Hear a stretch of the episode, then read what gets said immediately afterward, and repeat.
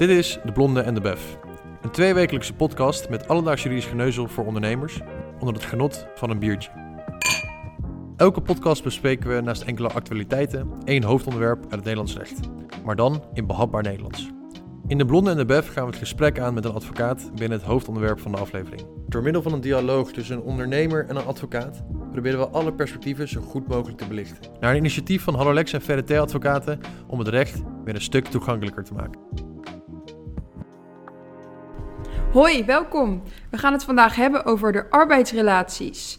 De eerste in de serie podcast over het arbeidsrecht. Vandaag beginnen we met een introductie. Mijn naam is Zoe Visser, ik ben van Hallolex en hier tegenover mij zit Mindy Lodewijks. Zij is advocaat arbeidsrecht bij VDT Advocaten. Ja, goedemorgen, dankjewel. We gaan het vandaag hebben over het begin van een arbeidsovereenkomst. Wat voor mogelijkheden zijn er eigenlijk en waar kies je voor als ondernemer? Deze podcastserie over het arbeidsrecht wordt chronologisch opgebouwd. We beginnen natuurlijk bij het begin, het aangaan van de arbeidsovereenkomst. En daarna gaan we het hebben over wat er tijdens de arbeidsovereenkomst van belang is. En sluiten we heel toepasselijk af met het einde van de arbeidsovereenkomst.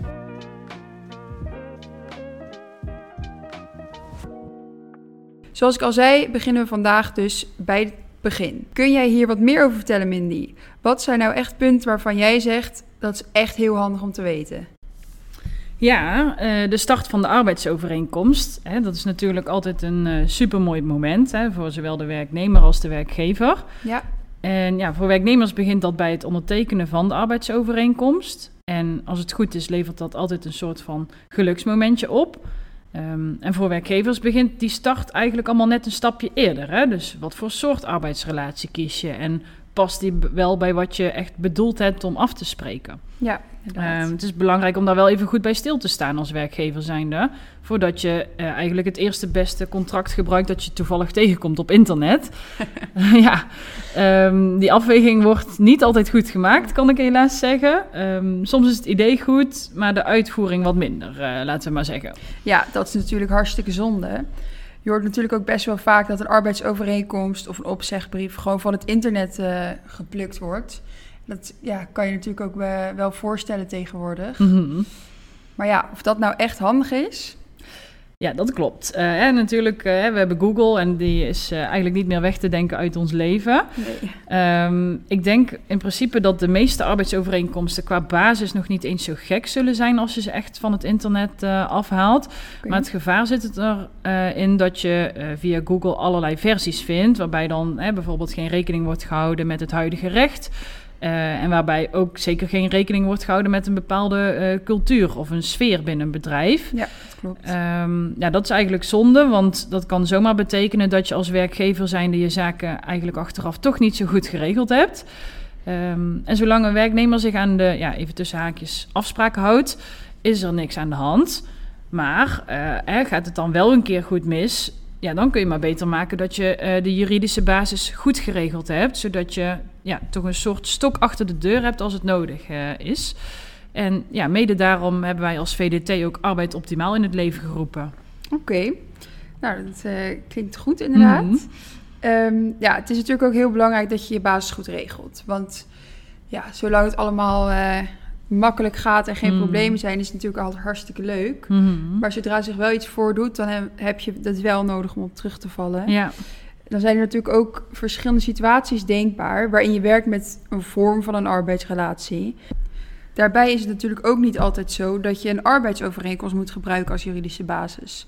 Er zijn ook andere opties, zoals bijvoorbeeld het aangaan van een overeenkomst van opdracht, waarbij je werkt met een ZZP'er in plaats van werknemers. Mm -hmm. Ook dat is een arbeidsrelatie, alleen dan niet op grond van een arbeidsovereenkomst. Ja, precies. En ja, daar moet je dus ook goed naar kijken. Wil je met een ZZP'er werken of toch liever met een werknemer? Ja.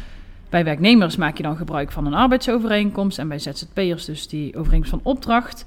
En als je kiest voor een ZZP'er is het dan vervolgens wel belangrijk dat je deze niet te veel als een werknemer gaat behandelen. Want anders bestaat de kans dat je alsnog te maken krijgt met werkgeverschap en alle risico's van dien. Ja, daar zit je natuurlijk helemaal niet op te wachten. Nee, niet per se. Als je dan echt kiest voor die ZZP'er, dan wil je ook het liefst hè, in dat regime blijven vallen. Ja, precies. En als je dat dus hebt gekozen voor een werknemer, dan zijn er natuurlijk nog veel meer keuzes om te maken. Dan krijg je natuurlijk de vraag of je voor flexibiliteit gaat of juist niet. Mhm. En hoe je die flexibiliteit dan misschien vorm gaat geven. En neem je de werknemer zelf in dienst of besteed je dit uit aan een derde partij? Ja, inderdaad. Dit zijn allemaal vragen die eh, natuurlijk bij een ja, potentiële werkgever omhoog komen. Hè. Ik kan Ja. me ook goed voorstellen dat daar eh, soms wat misverstand in is... of dat ze door de bomen het bos niet meer zien. En er zijn allerlei termen. Hè. Je hebt uitzenden, detachering, payroll, eh min-max-contracten, Ja. vast contract... een vaste urenomvang dan ook nog. Hè. Wat zijn nou precies de verschillen? Ehm, en dat is ook wel herkenbaar in de praktijk... We zien die onduidelijkheid ook regelmatig bij werkgevers voorbij komen. En dan krijg je de vraag van een werkgever of er gebruik mag worden gemaakt van een nul-urencontract als zij een oproepkracht willen inzetten. Of de vraag of er bijvoorbeeld een vast contract mag worden aangeboden aan zo'n oproepkracht. En dat klinkt voor ons als juristen of advocaten heel logisch, maar dat is het dus eigenlijk niet. En ehm, ja, voor ons ligt daar ook de taak om dat duidelijk te maken aan de klanten, zodat ze op de goede weg worden gezet. Ja. Want ja, voorkomen is nou eenmaal beter dan genezen. Helemaal mee eens. Laten we dus vandaag in deze podcast een aantal van die arbeidsrelaties eh, duidelijk maken. Of in ieder geval een poging eh, Mhm. wagen om dat te doen. Ik begin even bij de eerste vraag die je als werkgever af moet stellen, vind ik. Ehm, en dat is dan, neem ik de werknemer zelf in dienst of bezet ik dat uit aan een derde partij? Eens, ja, dat is echt een van de eerste vragen die gesteld moet worden door de ondernemer. Want eigenlijk komt het erop neer dat je jezelf afvraagt: hè, wil ik eh, dit werkgeversrisico lopen of niet? Ja, Hè, wil je dat liever niet, dan kun je via uitzenden of payroll toch werknemers inschakelen. En daar valt ja, ook daar weer een afweging te maken, want payroll en uitzenden zijn sinds 2020 weer ja, verschillende begrippen. ja. En dat heeft ieder zo zijn voor- en zijn nadeel. Ja, deze voor- en nadelen zullen we in onze volgende podcast eh, even verder bespreken. Mhm. Anders wijken we nu iets te ver af. We blijven even bij het begin. Precies. Oké, nou, stel dat je die werknemer rechtstreeks in dienst neemt, dan kom je bij de volgende vraag. Wordt dit een vast of een tijdelijk contract? Natuurlijk moet je dan kijken naar de ketenregeling, omdat je op een gegeven moment geen tijdelijk contract meer mag aanbieden. Mhm. Maar als we er voor nu nog even van uitgaan dat die ruimte er is, dan zou je in feite voor ieder soort arbeidsovereenkomst met of zonder een vast urencontract dus een tijdelijk of een vast contract kunnen aanbieden. Ja, dat klopt inderdaad. Ehm, en ik merk ook dat daar nog wel eens wat verwarring in kan ontstaan. Hè. Je hebt dan een vast en tijdelijk contract. En dan heb je de vaste en ja, tijdelijk of flexibele arbeidsomvang. Ja, Eh, en die termen lijken dan weer op elkaar, hè, omdat het gedeeltelijk overeenkomt. En, en ja, daar ontstaat dan verwarring over. En dat kan ik me ook goed voorstellen. zeker. Ehm, maar het is eigenlijk heel simpel. Je begint simpelweg bij het begin en dat is de aard van het contract. Dus hè, is het een vast of een tijdelijk contract? En daarna ga je kijken naar de inhoud van dat contract. Dus ja, die kan dan ook vast zijn, zeg maar, of flexibel. Oké. Hè, je kunt een vaste uuromvang overeenkomen. Bijvoorbeeld als iemand 24 uur per week werkt, dan heb je die vaste uuromvang.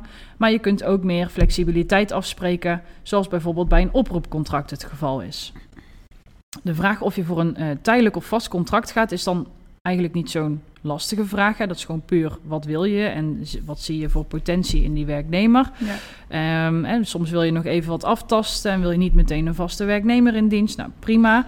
Ehm, zorg er alleen wel voor als je een tijdelijk contract aanbiedt, dat je rekening houdt met bepaalde wettelijke regelingen. Ja. Je moet bijvoorbeeld op tijd laten weten aan die werknemer of dit contract al dan niet verlengd wordt. En zo ja, ook tegen welke voorwaarden. En eh, dat moet je dan uiterlijk een maand voor die einddatum en ook nog eens schriftelijk doen. Ja. Want doe je dat niet of niet op tijd, dan eh, riskeer je als werkgever een aanzegboete. En die kan weer oplopen tot een heel maandsalaris. Ehm, Zo. ja, dus dat, dat, dat is eigenlijk een extra stok achter de deur voor de werknemer om ja, toch bepaalde zekerheid te hebben. Hè? Want Ja. zo is die hele regeling ook bedoeld. Hè, dat de werknemer op tijd weet waar die aan toe is. Ehm, is natuurlijk altijd de vraag of de werknemer echt aanspraak gaat maken op zo'n aanzegboete.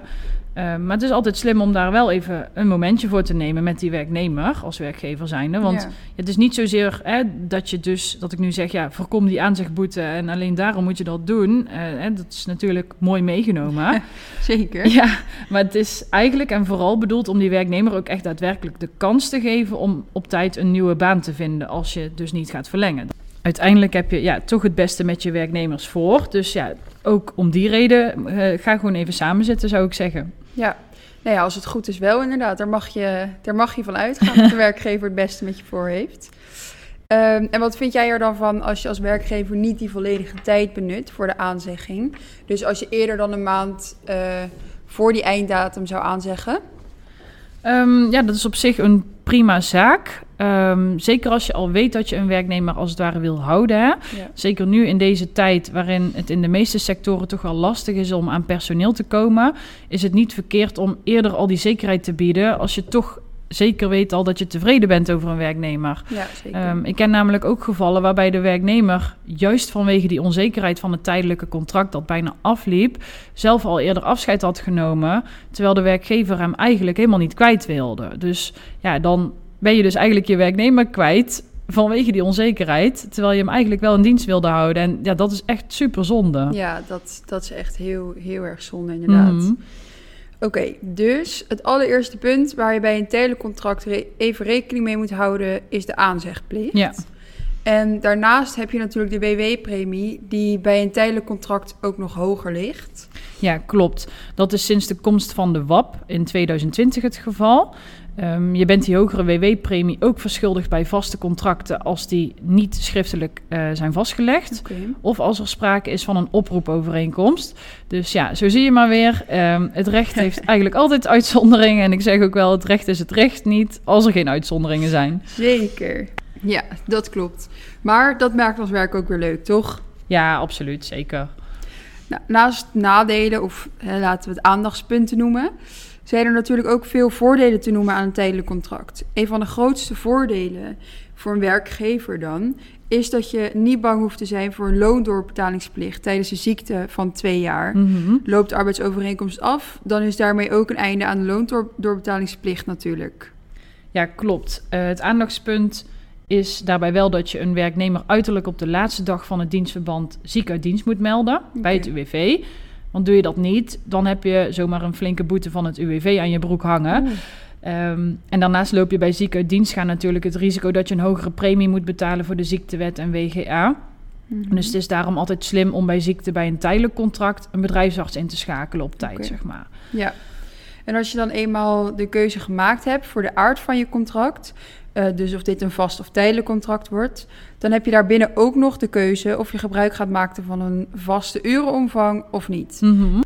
Wil je de zekerheid hebben dat je werknemer bepaalde uren komt werken, dan kun je het beste voor een vaste uuromvang kiezen. Ja. En anders kan een werknemer een oproep weigeren. Dus dat is niet altijd heel erg handig. Klopt inderdaad. En ja, voor de mensen die echt geen keuze kunnen maken tussen eh, flexibele of een vaste uuromvang, is er natuurlijk ook nog altijd een, eh, ja, een soort van mixvorm. Dat is dan het min-max contract. Oké. Eh, dat komt iets minder vaak voor in de praktijk, maar ja, het komt nog wel voor. Ehm, je spreekt daarbij eigenlijk een vaste urenomvang af. Dat is dan de, het, de, het mindeel, zeg maar. Hè. Ja. Dat deel is vast, dus dat deel moet de werknemer minimaal komen werken. En daar heeft hij ook minimaal recht op. En het stukje tot de max, dus het stukje tussen de min en de max, daarin heb je dan speling. En dat is dan in feite, ja, ook kun je zien als een stukje oproepcontract. Zo kun je dus toch ja, personeel inzetten aan de hand van het werkaanbod. Oké, duidelijk. Meer dan genoeg smaken van de arbeidsovereenkomst dus. Ja, zeker. Het is ook maar net wat je passend vindt bij de situatie. Ehm, de ene keer wil je liever helemaal geen werkgeversrisico lopen. Ja. Ook prima, hè? Maar het opbouwen van je eigen personeelsbestand met echt betrokken personeel lijkt me ook zeker niet verkeerd. Nee, zeker. Dat kan ik me ook goed voorstellen. Mhm.